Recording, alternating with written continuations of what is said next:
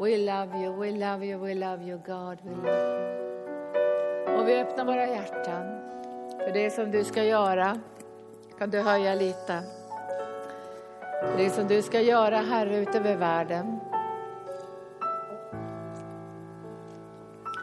Och jag ber Herre för alla som har varit med på kursen också i förbönstjänst för själens helande. Att de ska bevara det som du har undervisat dem i. De har suttit vid dina fötter Jesus. Och du ska rusta dem, för en del kanske ska åka till Mexiko eller Guatemala, till Afrika, kanske till Vitryssland eller något annat land. Då ska de kunna flöda i den heliga Ande med frimodighet och kunna säga, se på oss. Vi har suttit vid hans fötter och vi vet den gåva som han har gett till mänskligheten.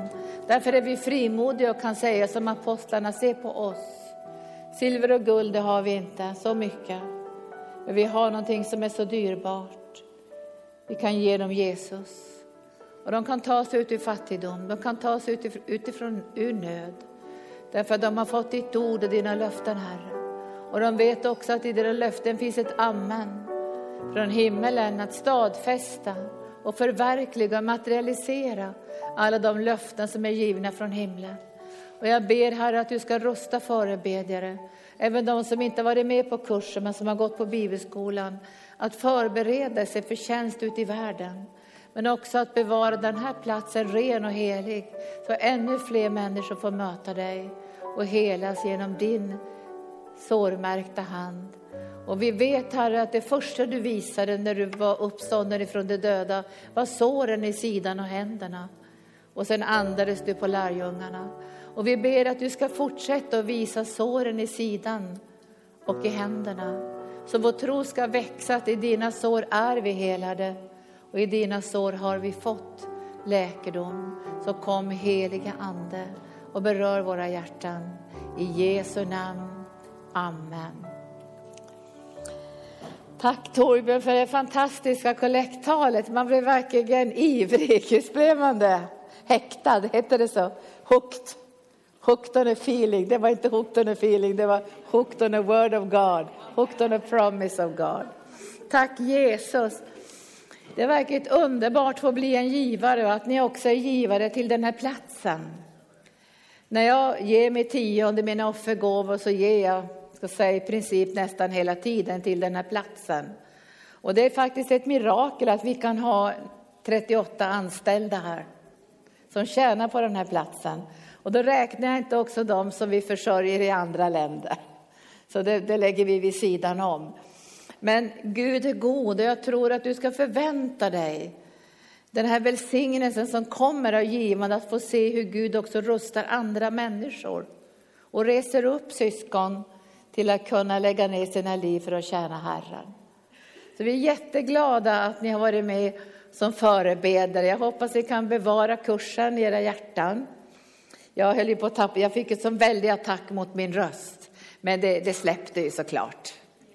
Det, det, man, man, brukar säga så här, om man ska stå i tro för andra får man stå i tro för sig själv.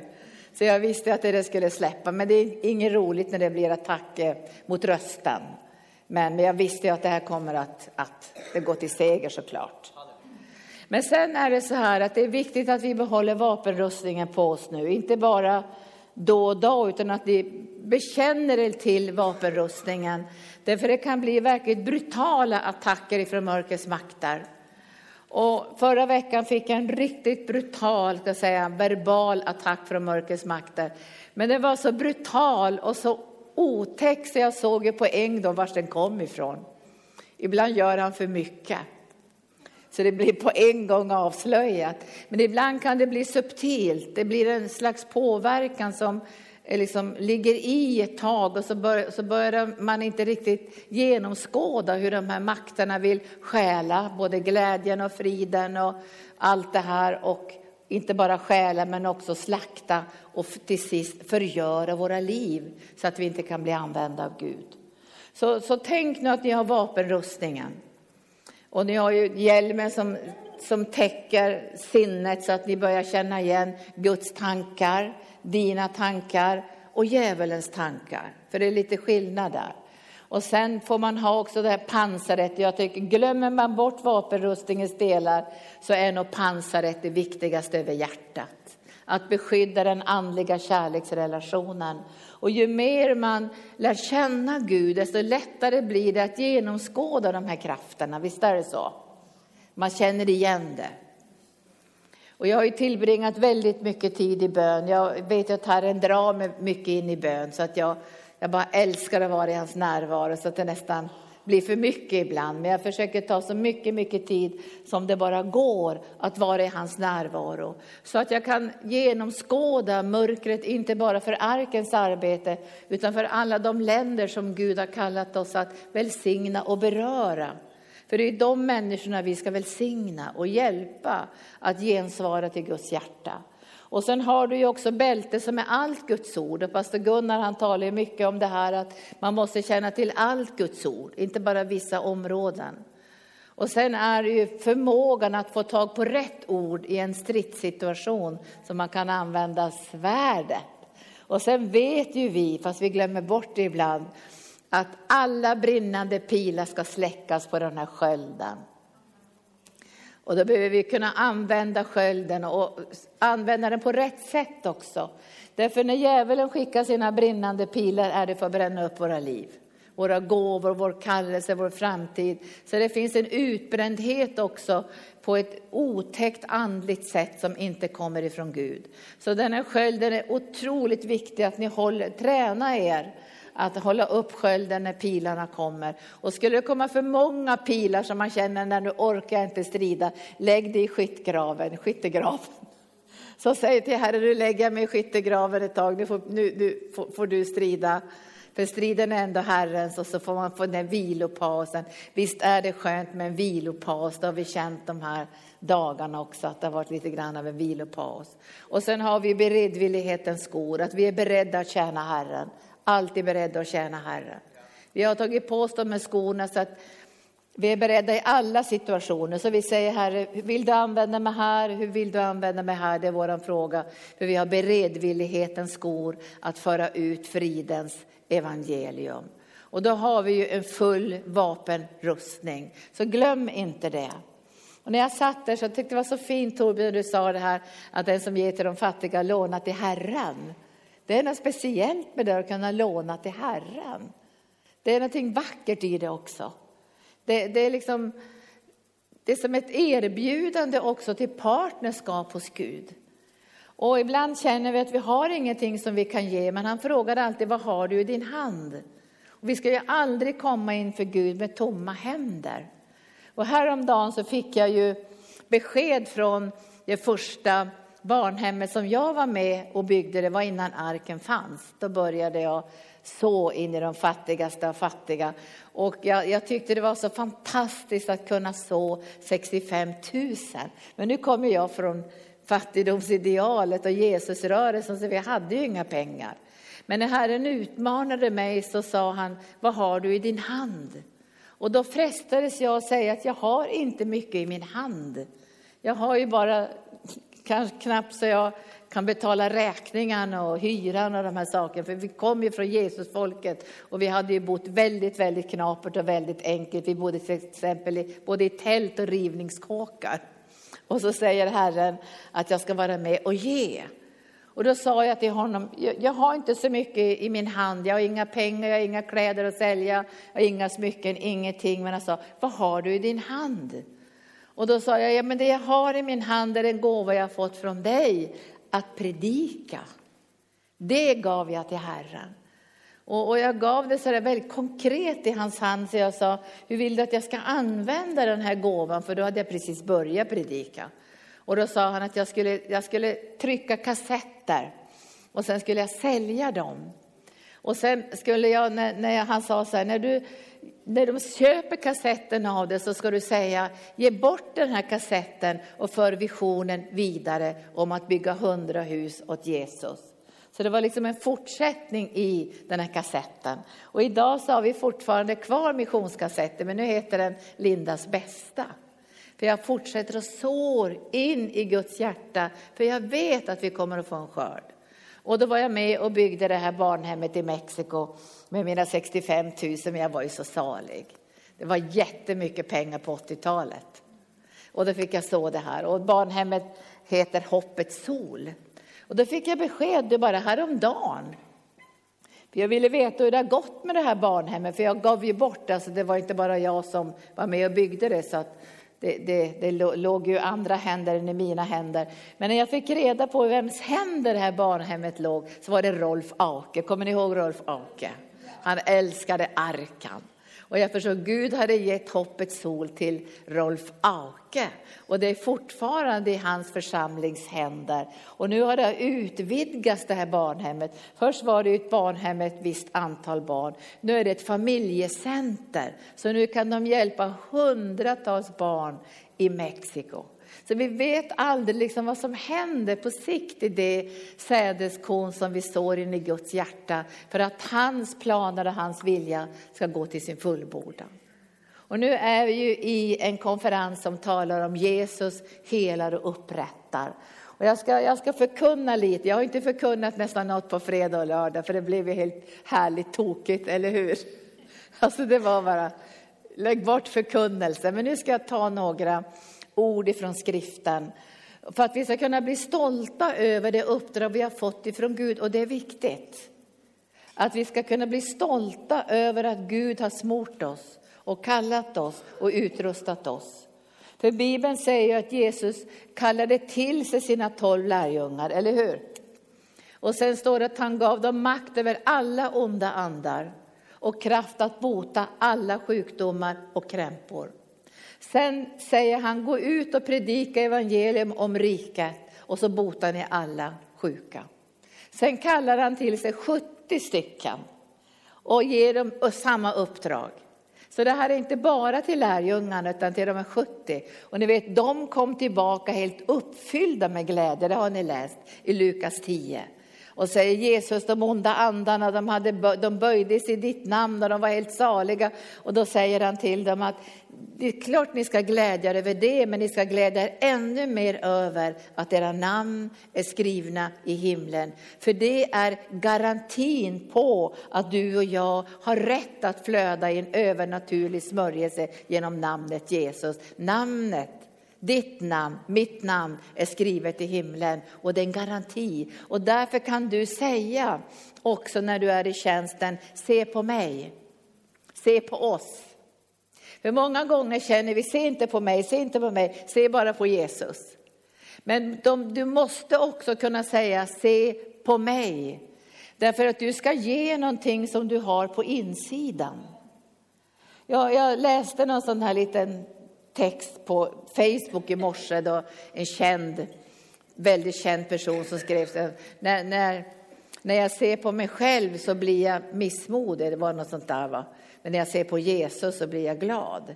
Jag blir inte missmodig när jag ser på mig själv. Jag blir faktiskt glad när jag ser på mig själv. Jag känner mig otroligt tacksam när jag ser på mig själv. Och varför känner jag mig så tacksam? Det är för Jesus bor ju i mig. Jag ser inget stort svart hålrum när jag ser på mig själv. Jag tänker, tänk att jag är utvald av Gud och han bor i mig. Så när jag möter människor så kan jag säga, silver och guld i det naturliga, det kan vi inte ge så där i Indien på det där sättet. Vi måste hjälpa dem att bli beroende av Gud. Men vi kan alltid säga så här, se på mig. För det jag har, det ska jag ge till dig.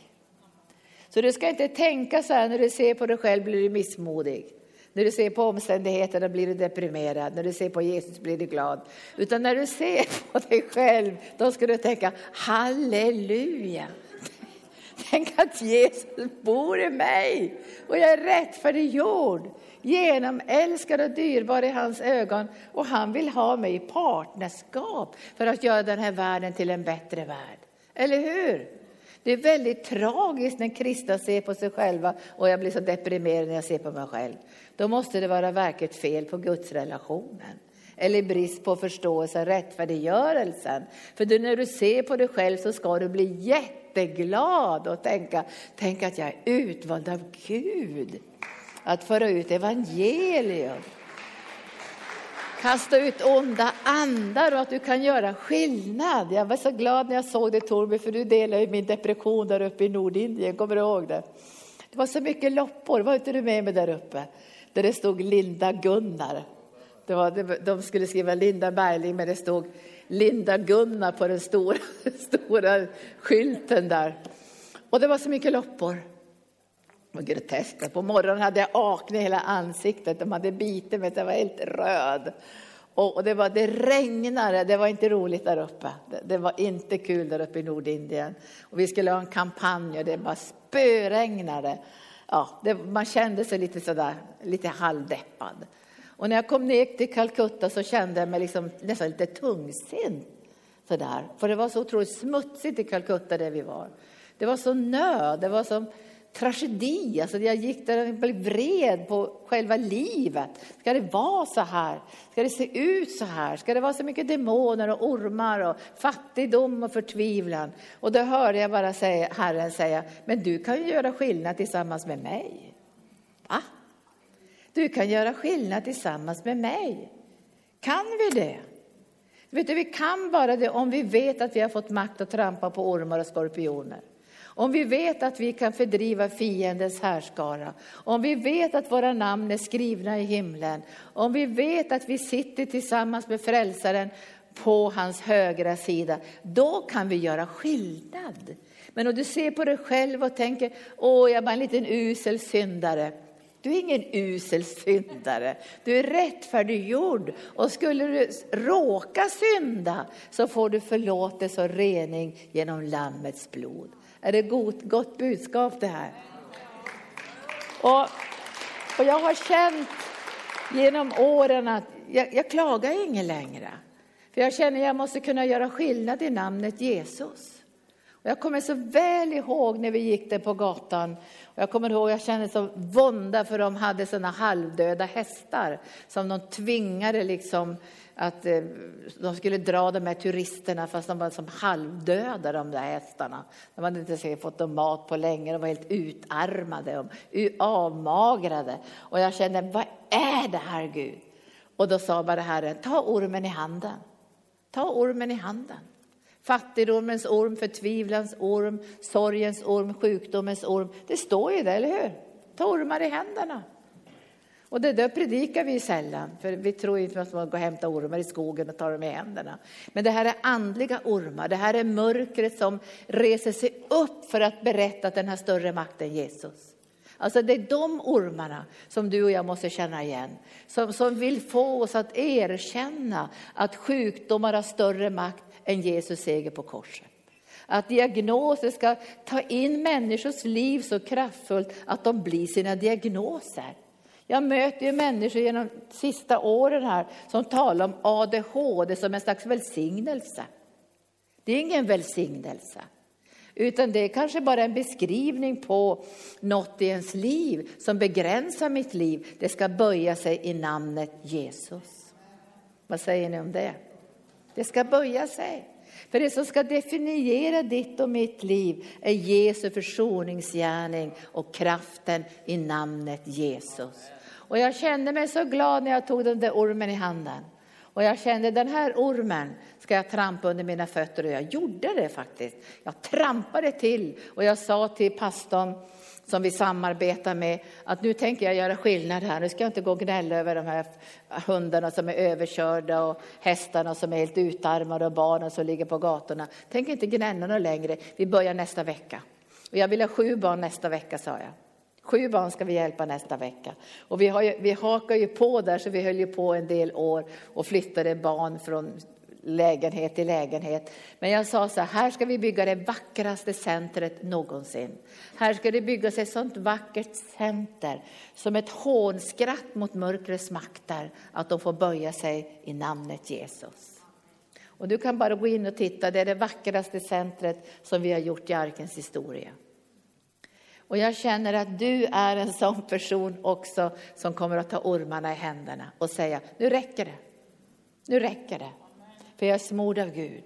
Och därför ska vi titta nu på lite grann en text i Apostlagärningarna kapitel 3 om Petrus och Johannes. Alltså den frimodighet som de fick, Petrus och Johannes, fick en sån frimodighet. Så att de, de, de säger det där som jag önskar att vi också ska kunna säga. De säger, se på oss. Se på oss. De ville ha koncentrationen.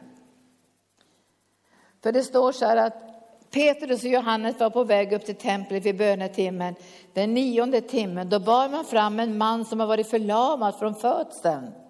Varje dag sattes han vid en tempelport som kallas Sköna porten för att tigga de som gick in i templet. Varje dag sattes han där. Det blev alltså en vana att sätta sig där. Och vet du att sjukdom och, och sådana här saker som plågar oss i livet kan bli en vana.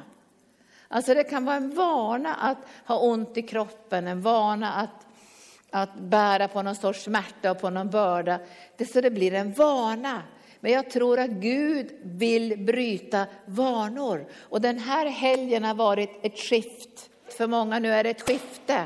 Och jag bad för en kvinna och sa så här, idag kommer ett skifte. För om du går på den andra vägen nu så går det till sjukdom och död. Men om du går på den här vägen nu, genom namnet Jesus, så går det till hälsa, välbefinnande och kallelse och tjänst. För det blir ett skifte i anden. När du och jag tar ormarna i händerna när vi ber och lägger dem under Jesu fötter så blir det ett skifte. Mörkret måste böja sig och vi ger utrymme för den helige ande att verka med kraft och härlighet. Det är därför vi behöver frimodighet. Se på mig! Tänk inte så här, se på mig en usel person, jag är ingenting. Se på mig som är bärare av Guds härlighet. Du är faktiskt hans tempel. En uppenbarelseplats för Guds härlighet, hans namn, hans hjärta och hans ögon. Så du är inte vem som helst. Du behöver inte bli högmodig när du tänker på det här, men du är inte vem som helst. Du är Guds vandrande härlighetstempel, där Gud ska uppenbara sin härlighet igenom dig. Och därför får du först säga, se på mig. Sen ska du säga det jag ska läsa nu, vad lärjungarna säger.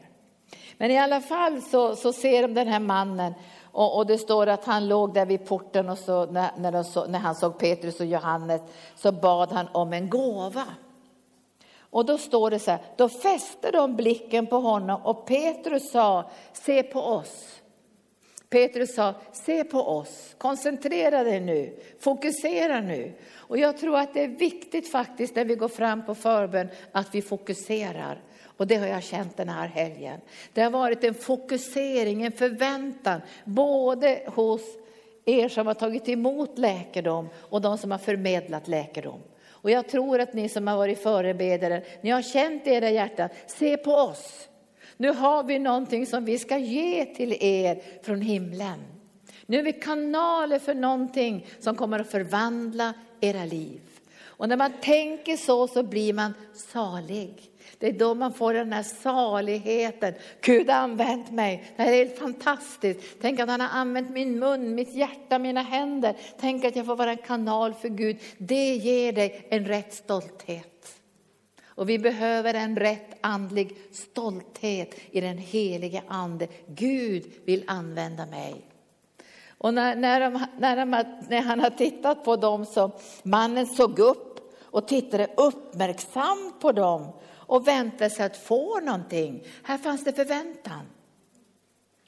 Han väntade att få någonting, men han väntade säkert kanske på lite pengar. Men Petrus säger, silver och guld det har jag inte, men det jag har, det jag har. Och därför säger Jesus så här, ge som gåva det ni har fått som gåva. Ge som gåva det ni har fått som gåva. Och då måste du och jag veta att vi har någonting att ge. Därför vi har ju kontakt med himlen. Så därför får vi del i det som himlen vill ge till människor. Men det här, det här blir som en explosion. Silver och guld har jag inte, men det jag har det ger jag dig. I Jesu Kristi Nazarens namn, res dig. Det var något att ge va? Vad var det han gav för någonting? Han gav Jesu Kristi Nazarens namn. Det var det han gav. Han gav Jesu Kristi Nazarens namn. Och det här ska vi se sen vidare i texten. Det var det han gav. Han gav det namn som är över alla andra namn. Han gav det namn som är över förlamning sen födseln. Han gav det namn som skulle förvandla den här mannens liv. Vad skulle han ge för någonting? Han gav Jesu Kristi Nazarens namn. Och vi har talat många gånger under den här kursen i veckan. Be i namnet Jesus, för det är det namnet som banar vägen. Det är det namnet som gör miraklerna. För tro på namnet Jesus skapar hälsa. Och när apostlarna förklarar för människor vad det är som har skett så säger de att det är det här namnet och tron på det här namnet som har skapat hälsa i den här mannen som är född lam i Jesu Kristi Nazarens namn, res dig upp och gå. Då är det kraft i namnet. Och jag vill säga er att det är nog bara tider och stunder som gör att, att det inte har hänt någonting, men det kommer att hända att du kommer med sån auktoritet och en sån frimodighet att kunna säga i hans namn, som är över alla andra namn, så befaller jag dig, res dig upp namnet Jesus. I det namnet kan vi resa oss upp och gå. I det namnet kan vi lösgöra oss från alla dödens bindlar. I det namnet kan vi kasta ifrån oss all bundenhet, allt det här beroenden, all den här människofruktan. Det var ett fantastiskt vittnesbörd, var det inte det? Var det du som låg och cyklade också? Jag tror jag, jag, blev så, jag blev så full i skratt i den heliga handen när den här brodern från Örebro, han flög som en blixt i luften. Och sen tänkte jag, vad tog han vägen? Och sen såg jag någon som låg och cyklade på golvet. Och jag tänkte, men vad underbart, jag undrar vilket land hon har cyklat till. Det får Herren bevisa för dig sen. Vilket land cyklade du till? Var var du någonstans? Var du i Afrika? Kanske i Kambodja? Kanske... Det, det kan vara Kambodja. Alltså hon cyklade där. Jag tyckte det var så, var så härligt, det var så dramatiskt. En flög som en pil och en cyklade. Och jag tänkte, jag undrar vad folk säger som ser det här på nätet. De blir nog jätteglada och tänker, vad är det för underbart som händer på arken? Tack Jesus, tack Jesus. Det, det kommer, och jag bara vet att det kommer en auktoritet. Därför vi förstår namnet Jesus. Det är det namn som är över alla andra namn. Det namn som har fått den högsta värdigheten av Gud själv. Och i namnet Jesus måste alla makter, krafter, demoner, herravälden, sjukdomar och namn böja sig. Och när det har böjt sig är det bara en tidsfråga förrän det måste lämna både kropp och själ. För när vi använder namnet Jesus ger vi utrymme för den kraft och den seger som finns i det namnet som Gud har gett den här så att säga, värdigheten. Och när du använder namnet Jesus så delar du den värdigheten tillsammans med Jesus. Och nu läser jag vidare, han säger, han, det är inte bara det här han säger. De grep tag i hans högra hand och reste upp honom och genast fick mannen styrka i fötter och vrister och han hoppade upp och stod upprätt. Sen började han gå och följde med dem in i templet där han gick runt och hoppade och prisade Gud. Alltså gudomligt helande ger ära till Gud och skapar en atmosfär av förundran. Alltså att man blir läkt genom sjukvård eller operation, det blir väl folk glada. Men när man blir helad genom Jesus så skapas det en atmosfär av förundran, men också en atmosfär av längtan, men också en atmosfär av motstånd. Därför att djävulen vill inte att Jesus ska bli ärad och upphöjd. Han vill att hans namn ska liksom trampas ner i smutsen. Men genom att du sätter tro till det här namnets härlighet och värdighet så kan Herren använda dig. Och då står det att han ska stadfästa ordet med under och tecken. Med under och tecken. Tack Jesus. Och nu ska vi bara läsa lite grann. Idag ska vi ha krafttunnel. Vi ska ha en riktigt härlig krafttunnel idag. Och vi ska be att Gud ska rusta dig som frimodighet så att du kommer vara som en pil. En pil. För du får inte kasta dig på golvet. Jag tänkte den här killen, han måste ha stått i fotbollsmål. För de tränar sig att kasta sig. Men jag tycker det är fantastiskt att bara få kasta sig i den heliga ande. Ja, det är så fantastiskt. Så vi ska gå genom den här krafttunneln och vi ska be att den helige Ande ska rusta dig med sån frimodighet. I Jesu Kristi Nazarens namn, res dig upp. Och reser du dig inte upp så tar vi tag i din hand och reser dig upp. För det här namnet är över alla andra namn. Och nu händer det något. Nu läser jag bara snabbt här. Det står så här i elfte versen. Mannen höll sig till Petrus och Johannes och allt folket skyndade fram till dem i den gång som kallas Salomos pelarhall och de var utom sig av häpnad. När Petrus såg det så sa han till folket, Israeliter, varför är ni så förvånade över det här? Varför stirrar ni på oss som vi av egen kraft eller fromhet har gjort att han kan gå? Väldigt bra, eller hur? Det är inte vår egen kraft och vår egen fromhet som har gjort att den här mannen kan gå. Men han säger till dem så här i 14 versen. Ni förnekade den helige och rättfärdige och krävde att få en mördare fri. Men livets första dödade ni. Men Gud har uppväckt honom från de döda och det är vi vittnen till. Det är genom tron på hans namn det är tron på hans namn, så har det namnet gett styrka åt denne man som ni ser och känner.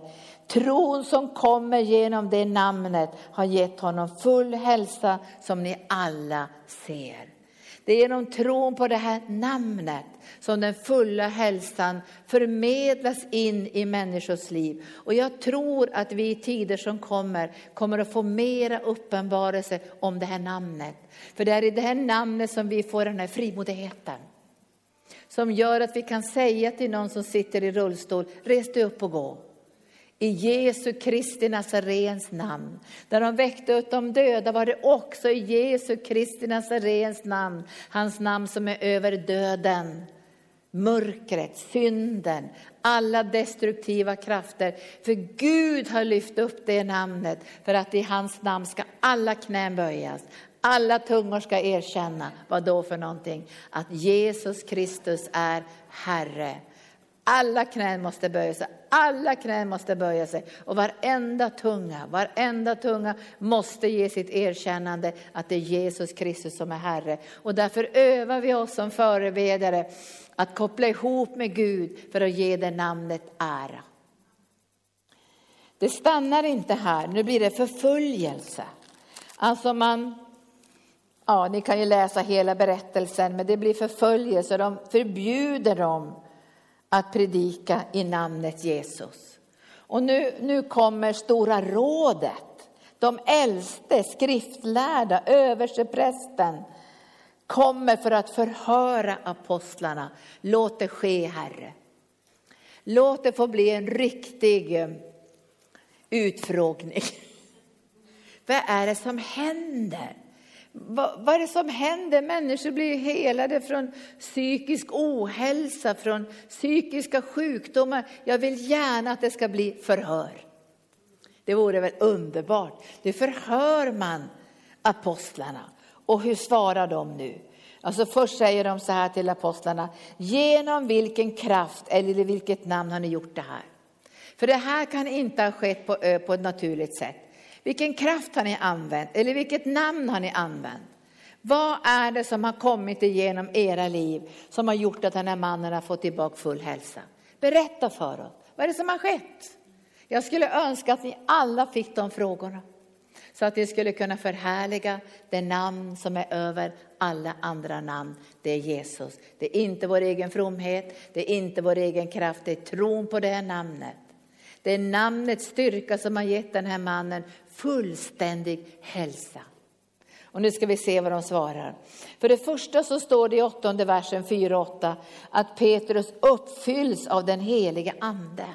Alltså den helige ande kommer över Petrus och nu ska vi höra vad han säger rådsherrar och äldste för vårt folk, om vi står till svars idag för en välgärning mot en sjuk man och ska förklara hur han har blivit botad, då ska ni alla och hela Israels folk veta att den här mannen står frisk framför er i kraft av Jesu Kristi Nasareens namn. Han står frisk här på grund av kraften i Jesu Kristi Nasareens namn. Glöm aldrig att det är i det namnet, i det namnets ljuvlighet, härlighet och, och, och kraft som människor får del i gudomlig hälsa. Det är därför det händer så mycket i andevärlden när människor tar emot så att säga, gudomligt helande. Det händer något i andevärlden. Vi ser inte det alla gånger, men dödens makter, falska änglar, krafter och makter måste böja sig. Och i varje ögonblick en, en person blir helad så måste hela andevärlden erkänna det namn som är över alla andra namn. Och de gör inte det med, mycket, med någon glädje, det ska jag säga er. Det är ett morrande i andevärlden, men det tycker vi bara är underbart. Eller hur? Det händer något i andevärlden, det blir en, en rörelse av mörker som måste vika undan och Guds rike få utrymme och Guds rike få kraft i den här världen. Nu läser jag till sist då vad de säger efter de har sagt i Jesu Kristi Nazarens namn, så förklarar de. Och jag har sagt på kursen att vi måste förklara för människor vad det är som sker i andevärlden. Vad är det som skedde när den stumme mannen blev helad? När den onde anden släppte den här mannen och han började prata. Då undrar människor vad är det frågan om? Och då förklarar apostlarna, för, för, då förklarar Jesus för dem. Det, apostlarna förklarar inte här, men Jesus förklarar och sa, det är så här mina vänner, att jag har gått in i den starkes hus, för jag är starkare och jag har tagit tillbaka det han har stulit. Så han förklarar för dem, vad är det som händer? Det här gör du också när du betjänar människor. Du går in i den starkes hus, för den som är med dig är starkare. Och du tar tillbaka det som Satan har stulit och därför kan du ge det också. För det förmedlas in i din ande och du kan ge det vidare genom tron i namnet Jesus. Därför kan du säga, se på oss. Det vi har, det ska vi ge till er. Och då undrar folk, vad är det du har för någonting? Jag har kontakt med himlen. Och jag har det namn som är över alla, namn, alla namn, som bär läkedom både för kroppen och för själen. Och nu säger Petrus så här, ni korsfäste honom, alltså Jesus, men Gud har uppväckt honom från de döda. Jesus är stenen som ni byggnadsarbetare förkastade, men den har blivit en hörnsten. Hos honom finns, hos ingen annan finns frälsningen, och und, inte under himlen. Och under himlen finns inget annat namn som människor fått genom vilket vi kan bli frälsta. När de såg hur frimodiga Petrus och Johannes var så märkte de att de var olärda män ur folket. Då blev de förvånade. Lyssna noga nu. Men så kände de igen dem och kom ihåg att de hade varit tillsammans med Jesus. Och när de såg mannen som hade blivit botad stod de där tillsammans med dem och blev svars svarslösa. Vi önskar att få se en värld som är svarslös inför Jesu härlighet och uppenbarelser av hans väsen. Ska hela världen stå med tilltäppt mun och undra vad är detta? Och du får möjligheten att berätta om han som bär det högsta namnet, den högsta värdigheten, den högsta smörjelsen och också den nåden att du är använd av Gud. Så du får aldrig mer tänka att du är ingenting och när du ser på dig själv så blir du missmodig. När du ser på dig själv ska du bli otroligt lycklig. Så när du åker hem ikväll ska du tänka, jag är utvald av Gud. Jag är smord av Gud. Jag kan vara med och förändra den här världen tillsammans med Jesus. Jag kan bereda en plats för hans härlighet för jag känner hans namn. Och han kommer att uppenbara ännu mer av sitt namns skönhet och härlighet. Därför när vi använder hans namn så är han ju mitt ibland oss. Och vi hörde hur Anita i, i, i lördags eftermiddag predika bara om tre förbundsnamn. Herren den närvarande, Herren herden för själen, Herren läkaren. Men det finns mängder med förbundsnamn i, i Gamla Testamentet som är uppfyllt i honom som är, har det högsta förbundet, det eviga prästämbetet, Jesus Kristus. Och jag tror han längtar efter att få uppenbara sitt namn på ett sådant sätt att vår kärlek växer dag efter dag i vår andliga kärleksrelation med honom. Så när vi ser på omständigheterna blir vi ännu mer frimodiga. Jag tänker inte se på omständigheterna och tänka som jag gjorde i Calcutta. Och fy vad jobbigt, magra hästar och fattigdom och nöd. Jag tänker inte sådana läs, aldrig mer tänka så. När jag ser på omständigheterna tänker jag så här, hur mycket det än stormar så kommer vi över på andra sidan.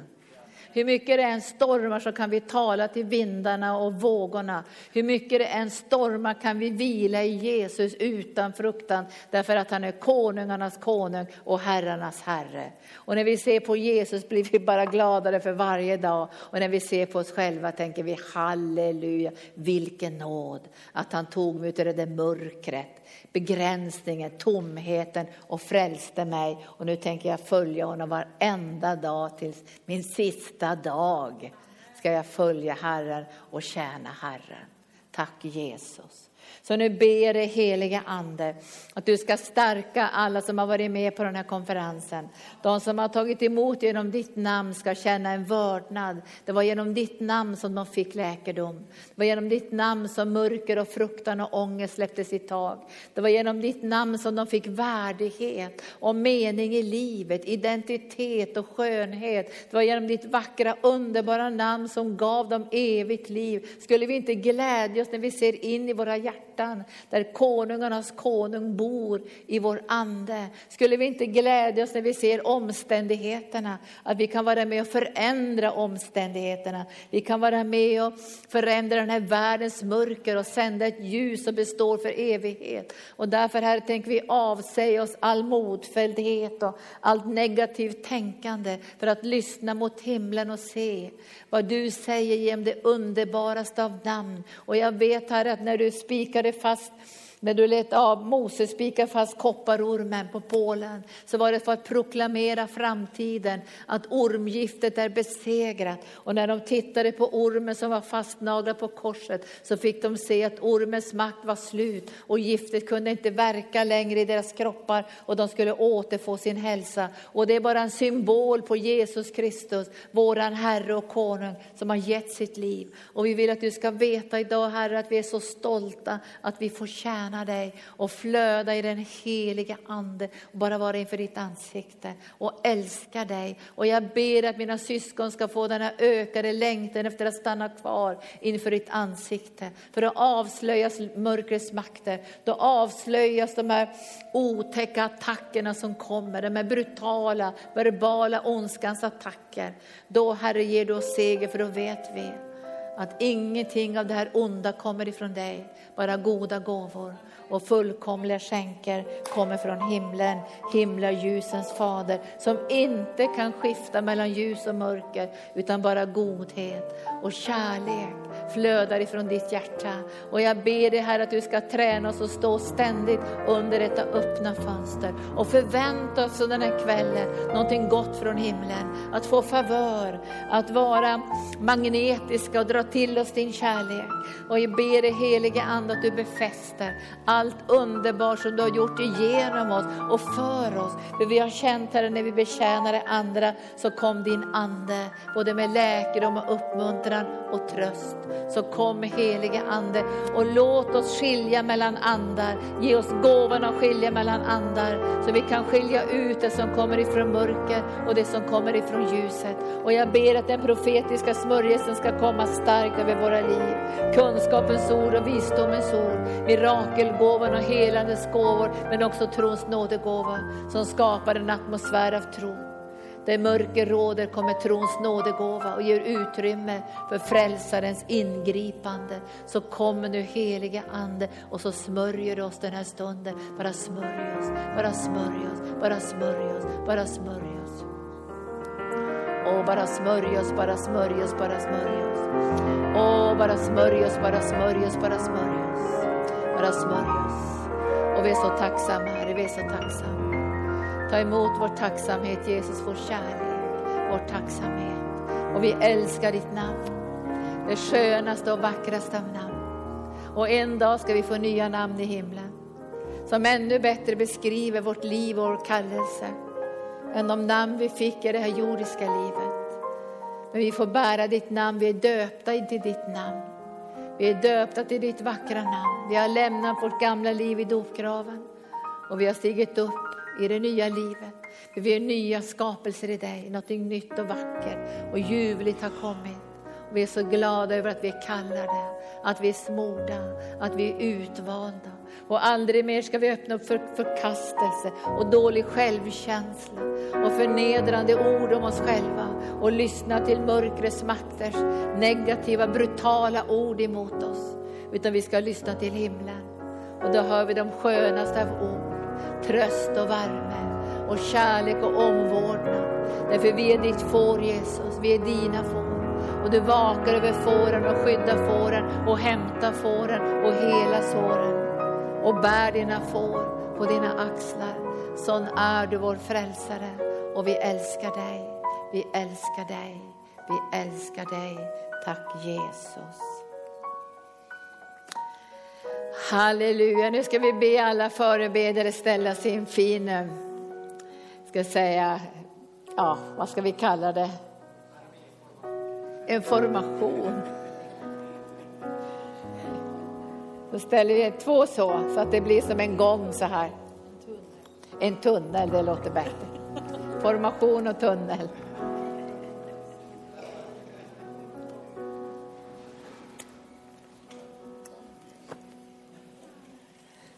Halleluja.